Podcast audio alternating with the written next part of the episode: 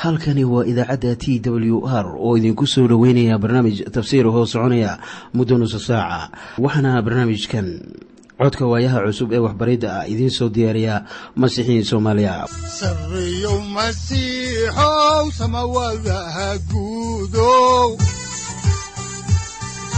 Siraadkii adduunkow subanaha eebow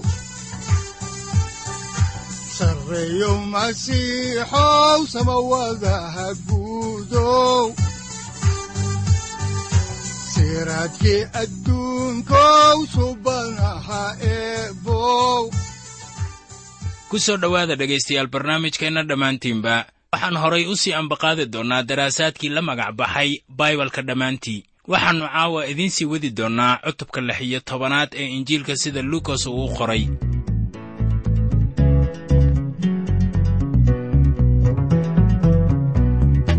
maryanu bikraaba masiixi dhasho markaasaa la yaabo mucjisay ahayd iyadoo rag moogbay malaa'ig salaanto markaasay uruudu mucjisay ahayd maryanu bikraaba masiixi dhasho markaasaa la yaabo mucjisay ahayd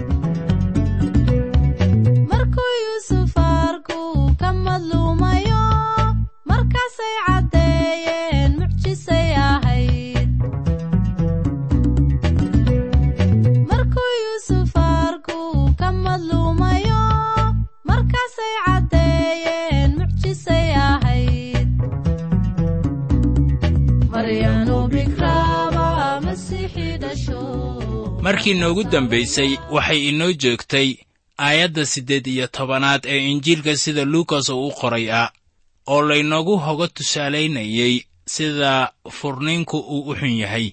Waxaa ragga looga digayaa inaanay naagahooda furin oo haweenkuna ayaan nimankooda daacaddarra kula macaamiloon. Qorninka oo dhan waa in loo qaataa maadamaaddo si loo hubiyo saxiixnimadiisa sayidkeennu wuxuu ka hadlay maaddadan oo ku taxalluqday ama ka hadlaysa nimankan ku hoos jira sharciga waayo sharciga ilaah ayay fududaysanayeen. Haddaan intaa uga gudubno maaddadaas oo aannu eegno maaddadan kale ciise oo sheegaya dhacdadii qabsatay ninkii hodanka ahaa iyo laasaros waxaannu soo gaarnay masaal qaayo weyn leh oo luukas oo keliya uu inoogu sheegayo injiilkan uu qoray. Ma rumaysni in qisadanu ay tahay wax mala awaal ah. Waxaanse rumaysanahay inuu qisadan ka warinayo sayidku qiso run ah oo dhacday isla sida ay yihiin masaaladiisa kale oo dhan. Ciise wuxuu mar waliba dadka kale wax ugu sharaxayaa hab ay garanayaan kuwa isaga dhegaysanayey waxay garanayeen waxa uu kala hadlayo. Wuxuuna isticmaalayaa magaca mid ka mid ah shakhsiyaadka ku jira masaalka. Sayidku inooma uusan sheegeen magac qof aan jirin. Haddaan eegno xigashada ayaan akhrinaynaa injiilka sida luukas uu u qoray cutubka lix iyo tobanaad aayadda sagaal iyo tobanaad. Waxaa qoran sida tan waxaa jiri jiray nin hodan ah oo dhar guduudan oo jilicsan sidan jiray. Maalin walbana barwaaqo aad buu ugu farxi jiray. Qisadanu waxay ku saabsan tahay nin maalqabeen ah oo noloshiisa oo dhan isaga noolaa farxad laakiin dhintay isagoo aan ilaah aaminsanayn ama aan isaga aawadiis wax ula bixin. Waxay qisadanu soo gelaysaa duni aynaan innaga garanaynin masaalkan ayaa sayidku uu kaga hadlayaa dunidan iyo weliba tan xigta isagoo aan kala joojin ama wax hakad ah gelinin. Inkastoo aynan daaha ka gudbi karaynin waa kan u dhaxeeya nolosha iyo tan xigta eh ayaa sayidkeennu wuxuu kaga hadlayaa nolosha qiyaamaha isla sida uu uga hadlayo nolosha ifkan. Markii dadku ay ka tagaan qiyaasahooda wuxuu raadiyaa wax cusub iyo riyooyin uu ku samaynayo mala awaal aan xisaab lahayn. Markii dadku ay isticmaalaan malooyinkooda dhibaato ayaa qabsata. Masaalkan waxaynu ku baranaynaa waxa hadallada ilaah ay leeyihiin. Waxaa dunidan yimid afar ruux oo ku hadlayay amar ku saabsan nolosha imaanaysa marka dadku ay dhintaan. Waxay kala yihiin afartaasi ciise masiix lazaros yooxanaa oo isagu arkay muujintii iyo bawlos oo isna lagu qabtay samada saddexaad. Haddaan qisada halkeedii ka sii wadno ayaa waxaa ku qoran aayadaha labaatan ilaa kow iyo labaatan sida tan oo waxaa albaabkiisa la dhigi jiray miskiin laazaros la odhan jiray isagoo boog miiran leh oo doonaya in la siiyo jajabkii miiska ninkii hodanka ahaa ka dhacay eyduna way imaan jireen oo boogihiisa ayay leefleefi jireen. Haddaba halkan waxaa jooga laba nin oo kala duwan dhanka bulshada dhaqaalaha iyo weliba dhan waliba. Mid wuxuu matelayaa kuwa lacagta leh ama tujaarta kan kalena wuxuu matelayaa masaakiinta aan waxba haysanin. Ma jiraan laba ruux oo sidaa u kala dhaqaaqsan ama u kala durugsan. Marka la eego labada nin ninkan miskiinka ah wuxuu sugi jiray jajabka ka soo hara ninkan tujaarka ah miiskiisa. Meel qaas ah bay ku daadin jireen cunnada. Markaasaa eeyuhu ay yimaadaan oo ay leefleefaan boogaha ninkan miskiinka ah. Hadallo aan badnayn ayuu sayidkeennu ku fasirayaa sida xun iyo heerka hoose ee naxdinta leh taasoo ninkan saamaysay. Waxaanse hubaa haddii aad ku noolaan lahaydeen qaarkiin magaaladaas oo aad arki lahaydeen laazaros oo dhar calalla ah sita oo madluunsan inay idinla noqon lahayd inaannu ilaah waxba ka aqoonin ama uuna lahayn hadiyadda ruuxa. Waxaan hubaa in innaga oo dhan aan odhan lahayn waa mid balaayo ay ku dhacday oo aan micno lahayn. Markaan dhanka kale eegno ninka tijaarka ah waxaa laga yaabaa inuu lahaa dhismooyin isaga lagu magacaabay oo waaweyn. Laga yaabo inuu weliba goobo wax lagu caabudo dhisay amase dugsiyo amase meelo kale oo howlaha caabudista lagu fuliyo. Waxaan hubaa inuu weliba magac wanaagsan ku lahaanayo magaaladaas uu kula noolaa ninkan miskiinka ah. Haddaba waxa dadka magaalada ayaan arki karaynin waxa weeye xagga gudaha ee ninka tujaarka ah iyo weliba kan miskiinka ah ee boogihiisu eeyuhu ay leefleefayaan. Tanu waa sawir inoo muujinaya miskiinnimo aad u hoosaysa iyo tujaarnimo aad u sarraysa. Haddii kale sidaas uma ay kala fogaadeen labada nin. Haddaan horay u sii ambaqaadno injiilka sida luukas uu u qoray cutubka lix iyo tobanaad aayadda laba-iyo labaatanaad ayaa waxaa qoran sida tan. Waxaa dhacay inuu miskiinkii dhintay oo malaa'iguhu waxay u qaadeen laabtii nebi ibraahim. Ninkii hodanka ahaana waa dhintay waana la aasay. Haddaba sayidkeenna wuxuu haatan ka hadlayaa dhimashada. Markaasuu ka gudbay sida inay tahay wax aan caadi ahayn. Markii miskiinku uu dhintay wax aas ah oo laysugu yimid ma dhicin dadku jidhkiisii bay qaadeen markaasay ku soo tuureen dooxada gehena halkaasoo qashinka iyo waxyaabaha aan la doonaynin lagu soo daadin jiray dabeetana la gubi jiray. Halkaasu waa meesha ay ku tuureen jidhkii miskiinka maalintaas. Isla daqiiqadii ninkii miskiinka ahaa uu dhimashadii ka gudbay ayaa malaa'iguhu isagii qaadeen markaasay keeneen sida qoran nebi ibraahim halkii uu joogay. Haddaba waxaa kaloo dhintay ninkii tujaarka ahaa maalin maalmaha ka mid ah oo isagiina waa la aasay. Waxaa loo dhigay aas qof waliba uu ka soo qayb galay. Markaasaa wadaadkii halkaa ka ahaa madaxa aaska si weyn u ammaanay oo uu yidhi marxuumka jannaa u sugnaatay. Dhibka jira ayaa ahaa in wacdiyuhu xaalka isaga qasnaa laakiin ninkii tijaarka ahaa waxaa la geeyey naarta. Haddaan halkaasi ka sii wadno injiilka sida luukas uu qoray cutubka lix iyo tobanaad aayadda saddex iyo labaatanaad ayaa waxaa qoran intuu haadees ku jiray ayuu indhihiisa kor u qaaday isagoo aad u silcaya wuxuuna meel fog ka arkay nebi ibraahim iyo laasaros oo laabtiisa ku tiirsan. Haddaba waxaad ogaataa laba shay oo halkan yaalla. Dadka baadida ah waxay mar waliba tegayaan cadaabta. Xitaa dadku way isgaranayaan marka ay dhintaan. Markaana ma ahan in aqoonsigeennu uu lumayo. Haddaba ereyga cadaab ayaa gariig ahaan noqonaya haadees oo macnaheedu uu yahay dunida aan la arag. Sida daacadda ah cadaab sida ay inala tahay waa meel aan hawsheedu bilaaban. Wax cadaab ku saabsan si cad uguma qornaa kutubtii aynu akhrinnay ilaa aynu ka gaarayno muujintii ciise masiix oo loo muujiyey yooxanaa cutubka labaatanaad aayadda tobanaad halkaasoo laynoogu sheegayo in qofka ugu horreeya ee gelaya cadaabta u yahay kan masiixa mucaarada iyo nebiyada beenta ah.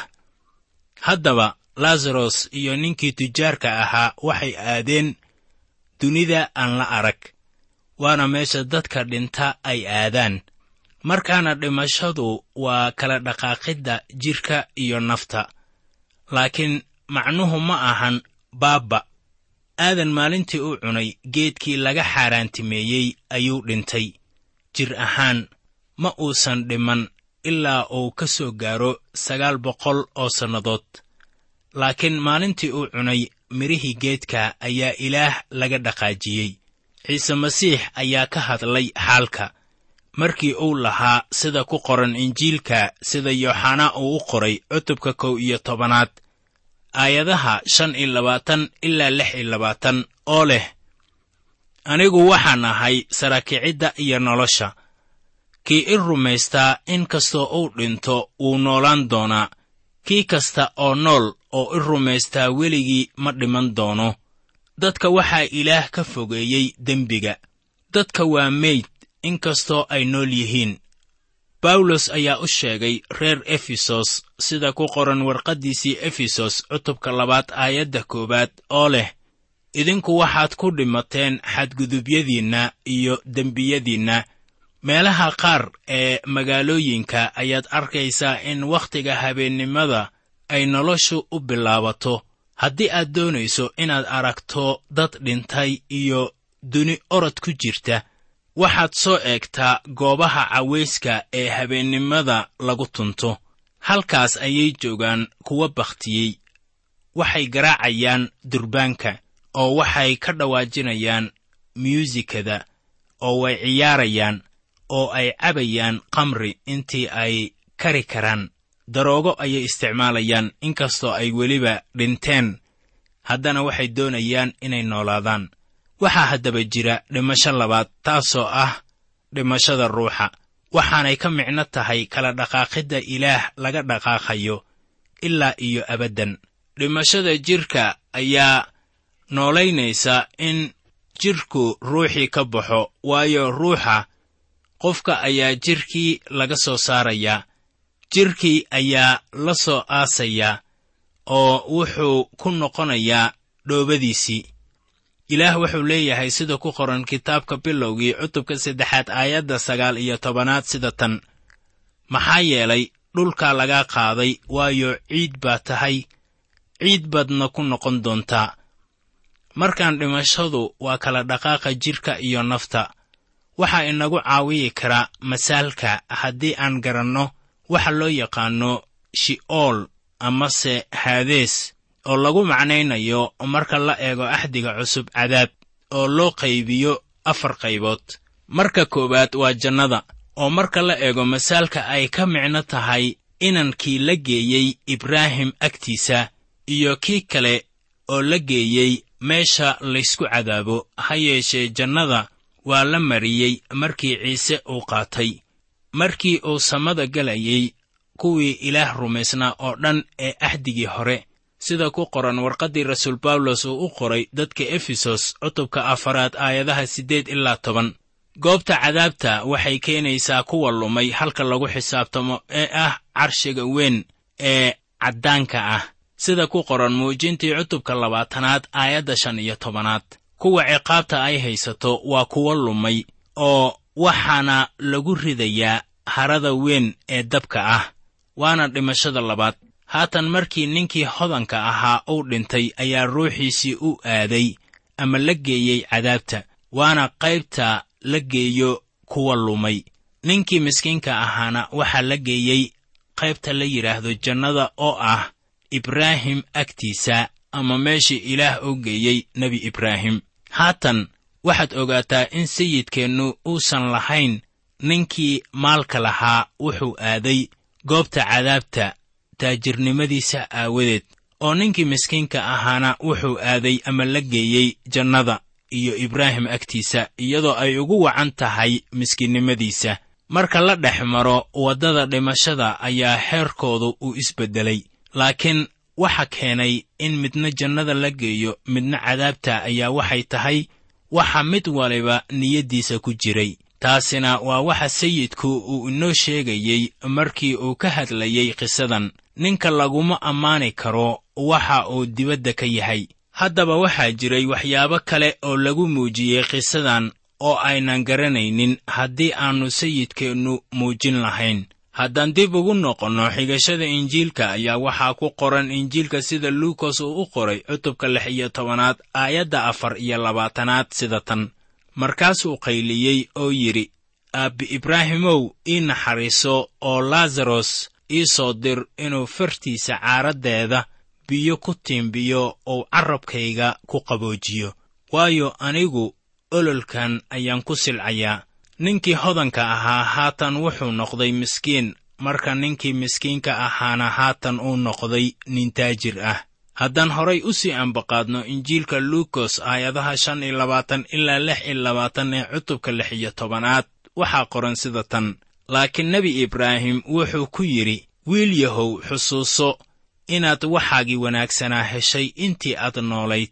Si la mid ah ayuu laasaros waxaa xun helay laakiin haddeer isaga halkan ayaa lagu raaxaysiiyey. Adiguse waad silcaysaa. Weliba annaga iyo idinka waxaa layna dhex dhigay bohol aad u weyn si kuwa doonaya inay halkan ka sii tallaabaan inay idin yimaadaan aanay u karin oo kuwa xaggaasna ayna noogu soo tallaabin. Haddaba jidhka kuwa rumaysan ciise masiix maanta ayaa ilaa maalintii uu sare kacay ciise masiix la garanayay qabriga oo waxay ku noqonayeen dhoobadoodii laakiin ruuxooda wuxuu haatan la jiraa masiixa. Waxaa ku qoran warqaddii labaad ee rasuul bawlos uu u qoray dadka korintos cutubka shanaad aayadda siddeedaad sida tan. Waynu kalsoonnahay oo waxaynu ka jecelnahay inaynu jidhka ka maqnaanno oo aynu rabbiga la joogno. Ha yeeshee kuwa lumay waxay weli tegayaan cadaabta iyo halka lagu naarayo waxaa taasi sawir inaga siinaya warqaddii rasuul bawlos uu u qoray dadka efesos cutubka afaraad aayadaha siddeed ilaa toban. Waxaa qoran sida tan. Sidaas daraaddeed wuxuu yidhi markuu kor u baxay ayuu wuxuu qabtay oo kaxeeyey kuwii maxaabiista ahaan jiray wuxuuna dadka siiyey hadiyado. Haddaba kor buu u baxay macnaheedu waa maxay? Haddayan ahayn inuu isagu hoos ugu degtay meelaha dhulka ugu hooseeya. Waa isla kii hoos u degtay kan haddana kor u baxay oo samooyinka oo dhan ka sara maray si uu isaga buuxiyo wax kastaba. Marka dhinaca kale laga eego markii sayidkeennu u galay dhulka meelaha ugu hooseeya qodbiddiisii iskutallaabta kadib wuxuu galay qaybta jannada. Markaasuu soo kaxaystay rumaystayaashii oo dhan. Markaasuu wada keenay ilaah hortiis. Ma jiro haddaba kuwa jooga jannada haatan. Waa qaybta jannada ah. Laakiin qaybta keliya ee haatan lagu jiro oo ah meelaha dhulka ugu hooseeya ayaa waxay tahay cadaabta. Halkaasoo kuwa aan ilaah rumaysnaynu aadaan marka ay dhintaan. Haddaba maalintu way imaanaysaa marka kuwa halkaa ku jira oo dhan lagu daadin doono harada dabka ah oo qof halkaasi ku hari maayo sida ku qoran kitaabka muujinta cutubka labaatanaad aayadda afar iyo tobanaad. Haddaba jidhku waa qaabka hore ee qofka oo guri u ah nafsadda. Markii qofku uu dhinto ayuu ka tegayaa gurigii naftu ay ku jirtay. Marka gurigaas hore wax kasta ayaa lagu samayn karaa. Marba haddii ruuxii uu dhacay. Laakiin tan ahmiyadda leh waxa weeye waxa ruuxa ku dhacaya markii uu jidhka dhaafo halkee buu qabanayaa. Haddaba samada waa meel saaxib oo isla daqiiqadda aad dhimato ayaad aadaysaa masiixa. Amase waxaad aadaysaa meesha ruuxa lagu cadaabo. Halkaasoo ugu dambaynta ruuxa lagu xukmin doono oo lagu ridi doono harada cadaabta ah. Muhiimaddu waxa weeye inaannu ilaah ugu talagelin in bini'aadmigu ay galaan harada dabka ah ugu dambaynta harada dabka waxaa loo dhigay shayddaanka iyo malaa'igihiisa sida ku qoran injiilka sida matayos uu u qoray cutubka shan iyo labaatanaad aayadda afartan iyo koowaad. Haddaba waa inaad doorato halka aad tegi doonto ugu dambayntaada. Waxaa jira inay isku xidhan yihiin haadayska meelaha hoose la aadayo iyo kan xagga sare la aadayo laakiin aan laysku gudbi karaynin oo sayidkeennuna wuu caddeeyey taas markuu lahaa sida ku qoran aayadda lix iyo labaatanaad qaybteeda dambe. Si kuwa doonaya inay halkan ka sii tallaabaan inay idin yimaadaan aanay u karin oo kuwa xaggaasna ayaan noogu soo tallaabin. Haddaba waa inaad garataa go'aanka noloshan oo aad mari doonto dhimashada kadib. Markaana heli maysid fursad labaad kadib dhimashada waxaase jira xidhiir ka dhexeeya halka sare iyo halka hoose laakiin aan la soo gudbi karaynin. Haddaan horay u sii wadno injiilka sida luukas oo u qoray cutubka lix iyo tobanaad aayadda toddoba-iyo labaatanaad. ayaa waxaa qoran sida tan. Markaasuu wuxuu ku yidhi aabbow waxaan kaa baryayaa haddaba inaad guriga aabbahay isaga u dirtid. Waxaad haddaba ogaataa sida uu ugu naxayo walaalihiisa haray. Wuxuu doonayaa inay toobad keenaan oo ay beddelaan fikirradooda ka hor intayaan dhiman saaxib haddii kuwa dhintay ay soo noqon karaan injiilka ayay inagu wacdiyi lahaayeen. Haddaan soo gunaanadno cutubkan lix iyo tobanaad aayadaha siddeed iyo labaatan ilaa kow iyo soddon ayaa waxaa ku qoran sida tan. Waayo shan walaalo ah baan leeyahay si uu ugu warramo inaanay iyaguna meeshan silaca leh iman laakiin ibraahim wuxuu ku yidhi waxay leeyihiin muuse iyo nebiyada ee ha maqleen. Markaasuu wuxuu ku yidhi maya aabbi ibraahimow laakiin haddii qof kuwii dhintay uu ugu tago way toobad keeni doonaan. Wuxuuse ku yidhi haddii ay maqli waayaan muuse iyo nebiyada inkastoo qof kuwii dhintay ka soo sara kaco la oggolaysiin kari maayo inay rumaystaan. Haddaba dad badan ayaa rumaysan in hormo fara badan ay toobad keeni lahaayeen haddii qof uu ka soo noqdo kuwii dhintay oo uu u sheego waxa ay tahay dhimashadu. Iyo halka la aadayo waa hagaag qof ayaa wuxuu ka soo noqonayaa kuwii dhintay. Qofkaasu waa ciise masiix. Qofkaas ma ayaan rumaysan in ka badan intii ay ka maqleen muuse iyo nebiyada. Saaxib wakhti yaannu kaaga lumin shaki ee waa inaad go'aan gaarto wax fursad ah la heli maayo haddii qofku uu dhinto. Haddaan intaasi ku soo koobno injiilka sida luukas uu u qoray cutubkiisa lix iyo tobanaad ayaannu haatanna bilaabaynaa cutubka toddoba iyo tobanaad. Haddaba cutubkan ina hor yaal ayaa sayid ciise masiix wuxuu xertiisa uga digayaa sida ay khatar u tahay in dad kale la dambaajiyo wuxuu kaloo uga digayaa ama wax uga sheegayaa cafiska iyo howlaha daacadda ah ee adeegidda. Injiilka sida luukas uu u qoray oo keliya ayaa wuxuu qorayaa masaal kooban oo ku saabsan howlaha adeegga qaaska ah ee uu leeyahay sayidku. Waxaa kaloo uu cutubkan ku qorayaa qiso ku saabsan toban nin oo laga bogsiiyey baras oo hal nin oo ka mid ahi uu soo noqday oo uu ku yidhi sayid ciise shukran. Waxaa tan qoraya oo keliya luukos. Wuxuu haddaba ku bilaabayaa cutubkan digniintan ku saabsan xadgudubka. Markaasoo uu leeyahay sida ku qoran injiilka luukos cutubka toddoba iyo tobanaad aayadaha kow ilaa labo waxaa ku qoran sida tan. Wuxuu xertiisii ku yidhi ma suurtoodo inaan xumaantu iman laakiin waa u hog kan ay xumaantu ka timaado in qof yaryarkan midkood xumeeyo waxaa uga roon in dhagaxshiid luqunta looga lalmiyo oo badda lagu tuuro. Waxaa halkan sayidku uu ku odhanayo waa ciqaab daran. Daacad baan idin ahaanayaa waxaanan u malaynayaa inaan ka doorbidi lahaa wax kasta ee kale. Inaan qabto intii aan ilmo yaryar ka iibin lahaa daroogo maanta waxaan rumaysanahay in ciqaabta qofka uu leeyahay kaasoo daroogo iibinayaa ay ka weyn tahay ciqaab waliba ee kale. Waa howl aad u xun in qof khaasatan dhallinyaro ah la xumeeyo. Waxaa jira shay ka xun cadaabta. Waa inaad marka hore cadaab gasho oo ubad aad dhashayna ay ku leeyihiin aabbe. Waxaan halkan u joogaa inaan raadkaaga soo raaco taas weeye tan ugu xun ee qof ku dhici karta.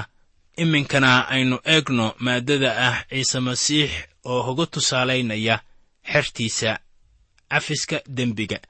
Haddaan dib ugu soo noqonno qorniinka bal si arrinkaasi kore aynu iskula eegno ayaannu eegaynaa injiilka sida luukas uu u qoray cutubka toddoba iyo tobanaad aayadaha saddex ilaa lix waxaana qoran sida tan.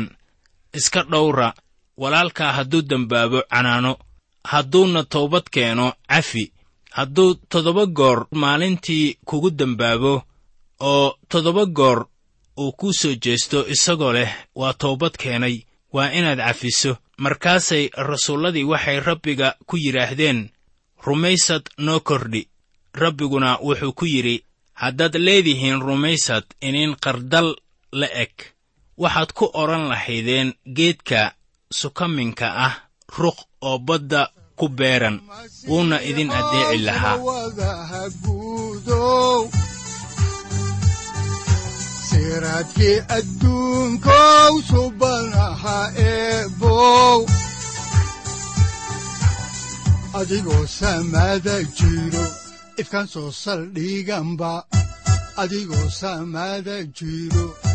soo saldhiganba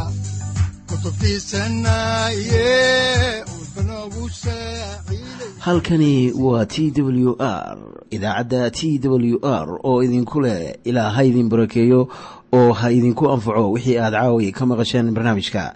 Waxaa barnaamijkan oo kalea aad ka maqli doontaan habeen dambe hadahan oo kale haddiise aad doonaysaan in aad fikirkiina ka dhiibataan wixii aad caawi maqasheen ayaad nagala soo xiriiri kartaan som t w r at t w r c o k e haddii aad doonaysaan in aad dejiisataan oo kaydsataan barnaamijka ama aad mar kale dhegaysataan fadlan mar kale booqo www t w r o r g amase waxaad teleefoonkaaga ku kaydsataa ama ku download garaysataa agabyada ku sahli karaa dhegeysiga t w r haddii aad doonayso in laga kaalmeeyo dhinacyada fahamka kitaabka amase aad u baahan tahay duco fadlan fariimahaaga soo mari bogga aaraahda ama kommentska inana jawaab degdeg ah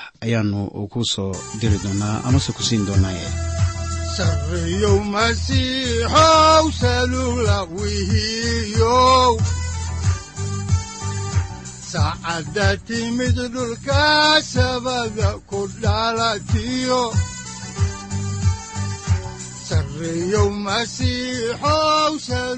halkani waa t w r oo idiin rajaynaya habeen baraare iyo barwaaqaba leh inta aynu ka gaari doono wakhti aynu ku kulanno barnaamij la mida kan caawayay aad maqasheen. Waxa aan idinku leeyahay nabadda ciise masiix ha idinku badato xagga jidhka iyo ruuxaba. Aamiin